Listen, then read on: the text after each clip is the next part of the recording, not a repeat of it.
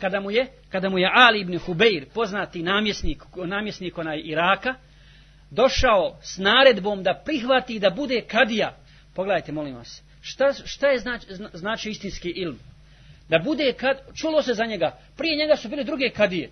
Međutim, on je postao brzo glasoviti učenjak.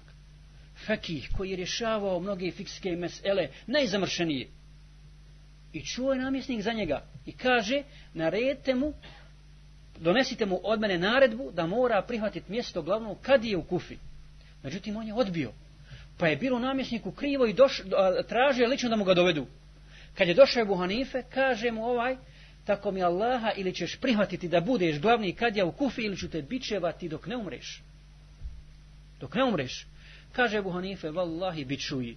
Draža mi je kazna i lakše ću podnijeti kaznu na ovome svijetu nego na, na Firetu na hirat kad me Allah bude pitao za, za to. Jer biti glavni kad ja u kufi, to je velika, velika odgovornost. I kada je bičevali su ga, udarali, tijelo mu je sve bilo krvavo i sve oteklo, oteklo od bičevanja. Pa Ebu Hanife u takvom trenutku, kada, kada, kada ga je toliko isrpio ovaj, s bičevanjem, kaže mu, boj se Allaha, ti ćeš sutra biti poniženiji pred Allahom od mene, nego što sam danas, danas, danas pred tobom dok, dok, dok me bičiš.